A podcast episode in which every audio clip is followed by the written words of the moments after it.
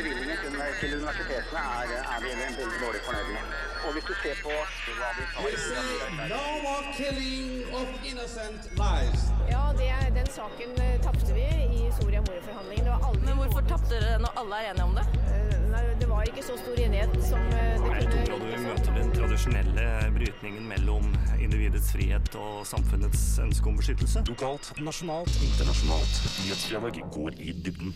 Det er fredag, og klokken er 11, og du hører på Nyhetsfredag. Leder i studentparlamentet, Julie Paus Knutsen, er her for å snakke om årets handlingsplan. Vi har spurt Blindern-studenter om deres holdninger til flyktninger, og vi får besøk av professor Sverre Varvin, som har forsket på klinisk arbeid med traumatiserte flyktninger. Kurt Rice var på besøk i går i anledning HiOAs universitetssøknad, og på lørdag okkuperer flere hundre studenter Oslos gater for å kjempe for retten til skolegang for barn i Afghanistan. Mer om dette i dagens sending. Men nå litt musikk. Michael Kronin med Way. Velkommen igjen til Nyhetsfredag. Mitt navn er Sara Bekk Sørensen. Og med meg i studio i dag har jeg reporter Amalie Widerberg. Og på teknikk så har jeg Isak Ree. Nei, jeg syns det er eh, dårlig band, og så er det altfor dyrt. Og så holder jeg meg egentlig mest mulig unna alt som har med sosiale ting og samfunn og studenter å gjøre, egentlig. Nyhetsfredag gir deg studentlivet. Studentparlamentet ved Universitetet i Oslo hadde sitt første offisielle møte for et par uker siden. Der vedtok de en ny politisk plattform og handlingsplan. Bruktbutikk på universitetet er et av de nye ønskene fra parlamentet. Med oss i studio har vi leder av SP i UiO, Julie Paus Knutsen. Velkommen. Takk skal du ha. Hvorfor mener du at bruktbutikk eh, er en god idé? Eh, bruktbutikk er på generelt grunnlag et godt, en god idé. Eh, og det står også godt i vår miljøprofil, som nå har blitt ganske stor, ettersom vi har fått inn en del miljøpunkter i, eh, i eh, den politiske platen, nei, i handlingsplanen. Jeg kan kort si hva handlingsplanen er først, eh, sånn at det er forstått for de fleste. Det er da vårt eh, arbeidsprogram. Altså vi sitter fem stykker eh, som er da ledere for studentparlamentet, arbeidsgruppen. Og vi jobber da ut ifra dette programmet. Så et av de punktene vi har på programmet i år, er å få en bruktbutikk på campus. Mm. Og hvordan tenker dere å gå fram for å få til dette?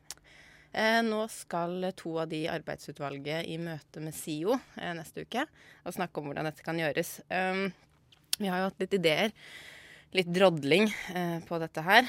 Og eh, vi har snakket om dette med brukthjørnet som de har på NTNU f.eks. Eh, der hvor de har et Finn-hjørne eh, som blir brukt som der hvor vaktmester eller andre legger ut møbler. Og så kan studentforeninger ha da første prioritet til å få eh, møblene, og så er det da, går det videre utover etter hvert. Så dere tenker mest møbler, eller tenker dere klær? Nei, vi er kun i startfasen, så vi Ja. må jo høre på innspillene fra studentparlamentet også. Mm. Og hvor tenker dere at overskuddet går hen? Det er også noe som må bestemmes av studentparlamentet. Det kan ikke jeg si her på stående fot. Nei. Har dere gjort noen tanker rundt det, eller? Nei, det har ikke vi gjort noen tanker om. Nå må vi fokusere først på å sondere terrenget og se hvor mulighetene er for å lage en bruktbutikk. Eh, om det eventuelt blir en fast eh, fysisk butikk, eller om det blir noe på nettet. Og så får vi da ta i andre instans eh, hva pengene går til. Det er mer detaljnivå. Og hvorfor tenker dere at eh, studenter vil bruke dette i stedet for f.eks. Fretex? Um, nei, altså det når jeg, når jeg snakker om den som NTNU har, da, så er det jo møbler som allerede er på universitetet.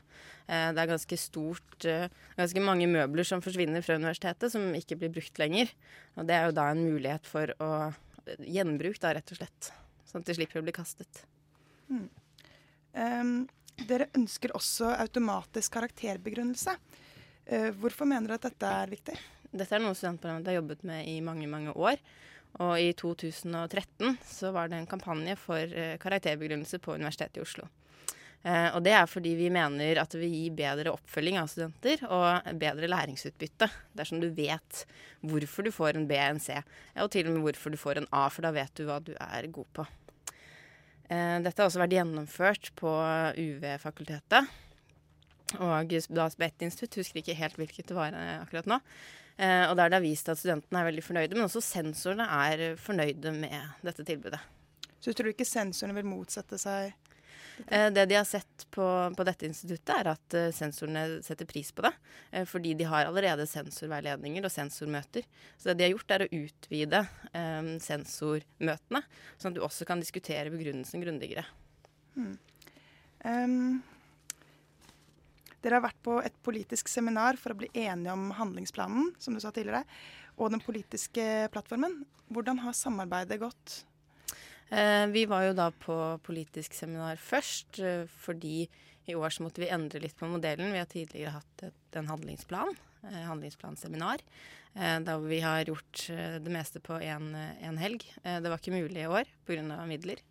Så vi bestemte å ha et seminar og dermed et påfølgende handlingsplansmøte. Vi gjorde det vi kunne for at, at seminaret skulle bli bra. Vi følte det var en, et godt seminar. Eh, vi har fått tatt evaluering, eh, levert et evalueringsskjemaer og hatt intern evaluering i arbeidsutvalget. Eh, og vi ser at det absolutt er punkter som kan forbedres i neste år. Eh, når det gjelder handlingsplansmøtet, så ble det langt. Eh, det varte fra fire til elleve på kvelden. Eh, det var et langt møte, og vi måtte utsette noen saker. Men vi fikk gjennom Vi fikk til en god handlingsplan og en god politisk plattform, og det mener jeg at vi skal si oss veldig fornøyd med. Kan du nevne noen av hovedpunktene i denne plattformen? Det er vanskelig for meg å si hovedpunkter, men nå er det engang sånn at vi har en lang handlingsplan. Og det gjør at vi i arbeidsutvalget må prioritere. Um, men jeg kan ikke si nå akkurat hvilke punkter som vi velger å prioritere, bare det. Uh, men det som er viktig bl.a. er at sykestudenter og studenter på vei tilbake i studier etter sykdom får velge obligatorisk undervisning først. Um, nå var det en undersøkelse, Studentenes helse- og trivselundersøkelse, som viste at nesten én av fire studenter på Universitetet i Oslo sliter med alvorlige psykiske helseproblemer. Og det er klart det, det er noe vi er nødt for å ta tak i, for det er ikke holdbart at det skal være sånn. Eh, videre så er det finansiering fra Kunnskapsdepartementet til eh, vedlikeholdsetterslepet på Universitetet i Oslo. Universitetet i Oslo har et vedlikeholdsetterslep på 8,5 milliarder kroner. Eh, det er ganske mye penger. Det var også sånn at det ble bevilget 82 millioner kroner over statsbudsjettet i fjor. Men når Universitetet i Oslo alene har et vedlikeholdsetterslep på 8,5 milliarder kroner, så er det klart at det må forbedres. Ja. Og er det noen av endringene dere har gjort som dere tenker at vi kan merke på kort tid i hverdagen? Eh, forhåpentligvis er det noen punkter som vi klarer å få gjennom i år. Men det er jo sånn at dette her er et eh, program der vi har saker som går over flere år. Nå nevnte jeg jo at uh, automatisk begrunnelse på eksamen har gått i flere år. Og også verdt å nevne er studentombudet som går på UiO. Det var en sak som studentene jobbet med i 50 år før den ble implementert. Så det er klart at dette her er saker som vi må jobbe med kontinuerlig, og som også arbeidsutvalg etter oss må jobbe med. Så for å oppsummere litt, for alt det som har blitt vedtatt, hva er det vil si du har vært mest fornøyd med? Det jeg er mest fornøyd med, er at vi har et, eh, en handlingsplan som er god, som de fleste er fornøyd med i studentparlamentet, og som er bestemt av studentparlamentet. Eh, og også en politisk plattform der vår grunnleggende politikk ligger, som vi kan se på når vi eventuelt gir høringssvar eh, eller går ut med pressemeldinger. Mm. Um, ja, tusen takk for at du kunne komme, Julie. Veldig hyggelig å være her på Radio Nova. Mm, så flott. Og nå skal vi ha litt mer musikk her på Radio Nova. Det er Si ingenting med Kamel.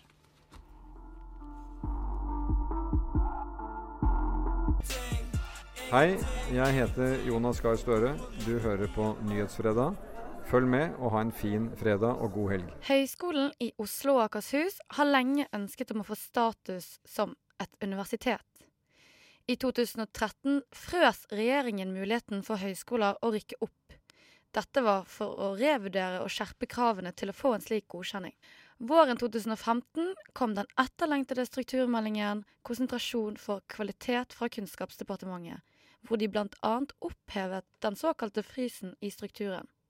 HiWA, som lenge har ønsket å bli et universitet, har planlagt å ha klar søknaden våren 2016. Og i den anledningen så har jeg fått besøk av rektor ved Høgskolen i Oslo og Akershus, Kurt Rice. Velkommen. Takk skal du ha. Da den nye strukturmeldingen i våres kom, endret det søknadsprosessen for Høgskolen i Oslo og Akershus? Altså, de kravene går på eh, produksjon av eh, forskning. Det går på gjennomstrømning av doktorgradsstudenter. Det går på prosentandel eh, av de ansatte med første kompetanse og noen andre momenter.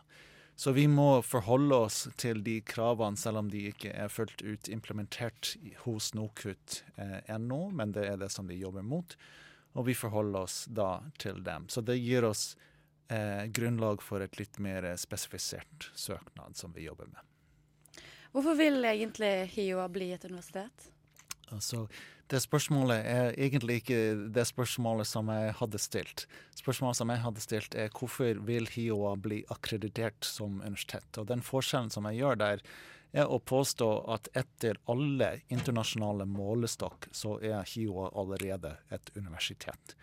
Vi er en institusjon for høyere utdanning. Vi gjør bachelor, master og doktorgrad. Vi driver med forskning og utviklingsarbeid. Altså alle kjennetegn som man kunne ha for hva som definerer et universitet, er tilfredsstilt i dag hos Høgskolen i Oslo og Akershus. Men at vi ikke får da kalle oss for et universitet, er faktisk til hinder for det videre utvikling av kvalitet. Hvordan da? Vi, ja, vi ønsker å bli bedre på å søke ekstern finansiering, f.eks. hos EU. Det krever at man bygger team internasjonalt. Og vi er mindre attraktive som partner fordi vi heter høyskole.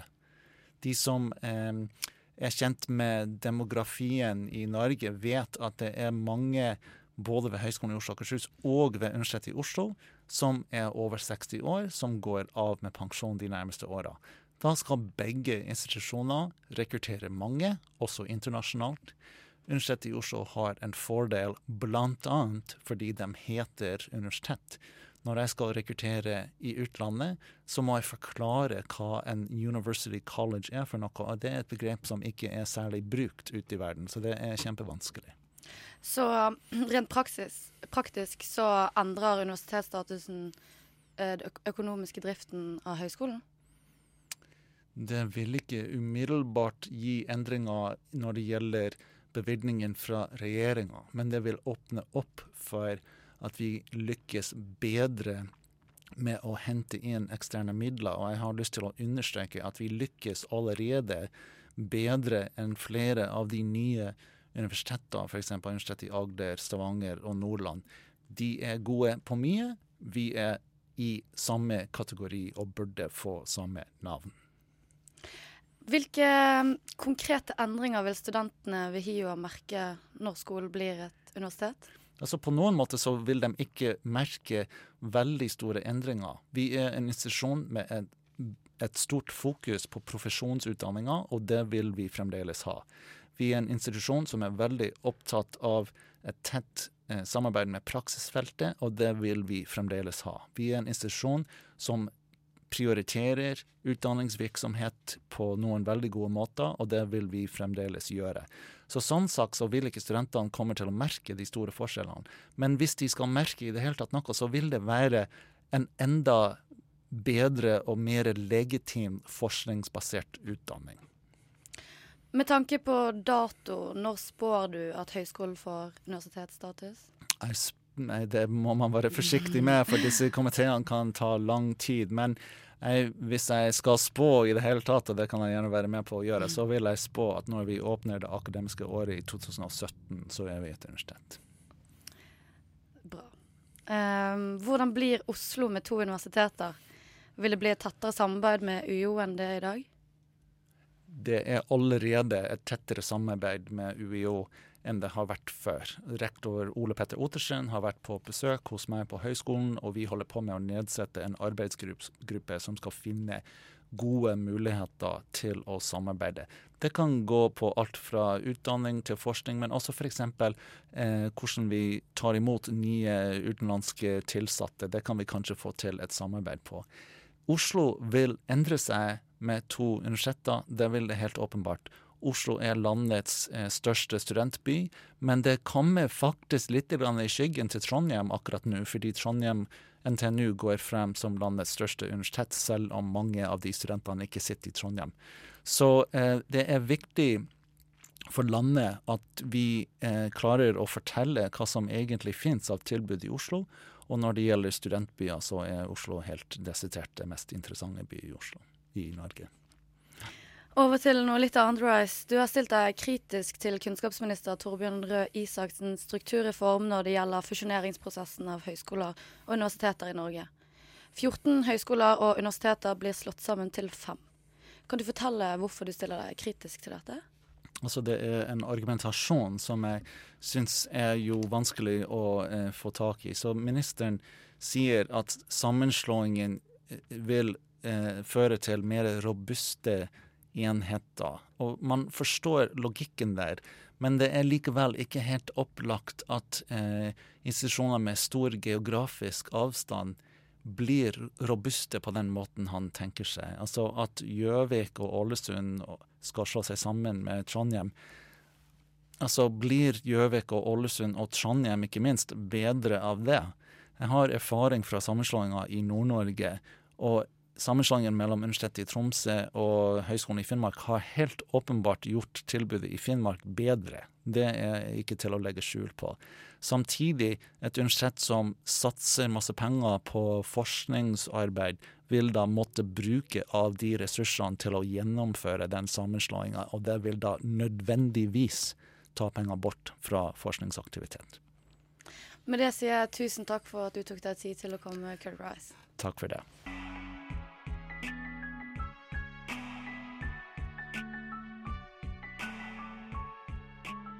Å påvirke dem som måtte sitte på penger som han ønsker å få. Men det som vi vil Radio Novas aktualitetsmagasin. I løpet av årets åtte første måneder har 1826 syriske borgere søkt asyl i Norge. Nyhetsredaksjonsreporter Mikael Lundqvist har spurt studenter på Blindern om deres holdninger til flyktningstrømmen. Hvordan förhåller du deg til hanteringen av flyktningstrømmen fra Syrien? Eh, litt blanda. De kunne gjort mer og vært mer åpne for å ta imot flere asylsøkere i Norge. Hele verdenssamfunnet burde jo gjort utrolig mye mer. Det er jo en total Alle vasker hendene sine rene og tar ikke noe ansvar. Jeg føler det har vært dårlig håndtering. da, At de kunne vært bedre organisert og at vi kunne vært bedre forberedt. da. Hvordan forholder du deg til håndteringen av flyktningstrømmen fra Syrien? Jeg forholder meg på en slik måte at jeg hjelper det jeg kan.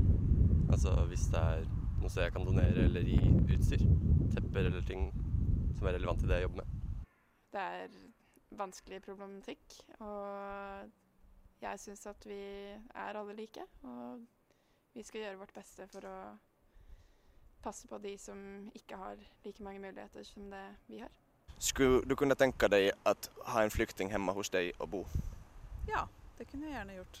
Ja, akkurat jeg bor i en hybel, da, så det er jo ikke så veldig mye plass. Men eh, jo, hvis jeg hadde hatt en leilighet hvor det er plass til, så hadde jeg gjort det. Jeg syns det er vanskelig nå, når jeg bor i et kollektiv og er student. Men uh, kanskje hvis jeg hadde et hus og en uh, leilighet. Skulle du kunne tenke deg at ta en flyktning hjem til deg og bo? Absolutt. Hvert år kommer det tusenvis av flyktninger til Norge, og andelen har økt betraktelig de siste årene, etter at borgerkrigen i Syria brøt ut, og millioner av syrere flyktet over landegrensene. Selv om Europa forsøker å stenge sine grenser, mener forsker Sverre Varvin likevel at vi nå er ved et veiskille når det gjelder holdninger mot flyktninger, og ser positivt på nordmennenes reaksjon den siste tiden. Og med oss i studio har vi professor ved Institutt for sykepleie og helsefremmende arbeid på Høgskolen i Oslo og Akershus, og forsker Sverre Varven. Velkommen. Takk, takk. Mm. Hva er dette veiskillet du snakker om? Det er et potensielt veiskille, for, for, nå har vi sett en utrolig folkelig bevegelse for å ta imot flyktninger og ønske dem velkommen og legge forholdene til rette for dem i hele Europa. På den annen side har man jo sett eh, sterke og ganske voldsomme motkrefter. Sånn at eh, situasjonen framover vil jo avgjøre om dette blir et veiskille. Men dette er et potensielt veiskille og veldig positive meldinger også fra studentene som ble intervjuet her. Hva er grunnen til at nordmenns holdninger mot flyktninger har endret seg den siste tiden? Eh, jeg tror folk har kommet tettere på den eh, livssituasjonen og de problemene flyktninger har. Og så har vi en historie hvor vi selv har Altså nordmenn selv har vært flyktninger, og vi har opplevd okkupasjon og krig, og jeg tror dette har kommet mer fram i bevisstheten. Så jeg tror folk flest føler nå mer ansvar, både personlig og kollektivt, for de som kommer i den situasjonen. Hva skal til for at holdningene skal bli enda bedre, tror du? Det krever et kontinuerlig arbeid på mange nivåer på politisk nivå så må altså politikerne bli mye sterkere i å uh, argumentere mot fremmedfiendtlige holdninger, som jo visse partier og visse uh, politiske strømninger i Norge står for. Disse, det er holdninger som bygger veldig mye på frykt og uvitenhet. Uh, men det må skje mye på andre plan også. Det må skje på universitetene f.eks. Så må man må Eh, øke kunnskapsnivået blant studenter. Dette må bli en del av undervisningen i mange fag. Eh, og da gjelder det å få kunnskap om hva flyktningkrisen bunner i, men også hvilke personlige og tragedier som eh, slike krigslignende tilstander medfører. Det har i det siste vært snakk om at man burde åpne hjemmene sine for flyktninger som kommer. Hva tror du skal til for at nordmenn skal bli villige til et slikt bidrag? Jeg tror at uh, her må noen gå foran med et godt eksempel. Det er én ting. Og studentene som ble intervjuet her, de var jo meget gode eksempler på at uh, man er villig til å åpne hjemmene. Og det er god plass i Norge. Både i hjemmene og man kan finne andre gode muligheter for flyktningene. Og det er ikke mange som kommer Eh, av flyktninger til verken Norge eller Europa, hvis man sammenligner med totale befolkningen i, i hele Europa. Hittil i år, som sagt, så er det rundt 1800 syriske borgere som har søkt asyl i Norge. Mm. Eh, hva må Norge være klar for nå som vi skal ta imot så mange? Uh, vi må uh, være klar med uh, altså økte midler, vi må være klar med å organisere boligforhold, mottaksforhold osv. Og dette har vi gjort tidligere. På 90-tallet tok vi imot masse bosniske flyktninger. Det var en positiv stemning og en dugnadshånd. Denne må vi få opp igjen. Mange flyktninger sliter med ettervirkninger og traumer, og det har kommet fram at det i gjennomsnitt tar elleve år før flyktninger får den kliniske behandlingen de behøver. Mm. Hvorfor er det viktig med tidlig behandling av krigsrammede flyktninger? Uh, dette er uh, en selvfølge hvis man bruker common sense. Men faktum er at eh, hvis man ser på de som har vært traumatisert i forrige århundre og etter annen verdenskrig f.eks., så har de blitt neglisjert, oversett og ikke akseptert. Og behandlingstilbudene, selv om man hadde en god del kunnskap på den tiden, de var dårlig organisert, og veldig få visste om det. Eh, vi vet nå fra eh, ganske mye forskning at eh, hvis man kan lage tiltak på et tidlig tidspunkt, så vil prognosen bedre seg på sikt. Dvs. Si 20-25 år. Dette medfører bedre livskvalitet for de som er rammet, for deres familier og for samfunnet som helhet. Sånn at det er dårlig økonomi, det er ø, sosial og helsepolitisk e-, elendig planlegging hvis man ikke organiserer gode tiltak øh, så tidlig som mulig. Og disse trenger ikke å være veldig kostbare. Har vi mange nok med god nok kompetanse til dette? Vi har ikke mange nok med god nok kompetanse. Det har vært en neglisjering av oppbygging av kompetanse, selv om det har vært gjort mye. Det skal innrømmes. Men eh, det finnes mange gode fagfolk. Eh, både eh, blant, på forskjellige nivåer i helsevesenet. Eh, det er ikke bare psykologer og psykiatere det dreier seg om. Det dreier seg om sykepleiere, det dreier seg om fysioterapeuter, sosialarbeidere, som alle kan gjøre en god innsats hvis man organiserer den primærhelsetjenesten eller kommunehelsetjenesten godt nok. Og veldig viktig, man må ruste opp spesialisthelsetjenesten for å kunne både ta de som er alvorligst rammet, og for å bygge opp kompetanse og kunnskap. Tror du dette kommer til å skje? Altså, Tror du vi kommer til å endre studiet? Eh, nå har helsedirektøren faktisk gitt klare signaler om at dette ønsker han at det skal bli gjort. Og, da gjelder det for oss fagfolk å stå på og prøve å holde fast i disse ønskene. Vi har jobbet i lang tid for å få Helsedirektoratet og helsemyndighetene til å Uh, ruste opp dette feltet og organisere bedre tilbud. Nå er det en gyllen anledning, og da gjelder det for oss uh, å stå på. og Forhåpentligvis kan studenter innenfor disse feltene her bli mer bevisst om dette forholdene og lage eh, aksjoner eller øve press på myndighetene.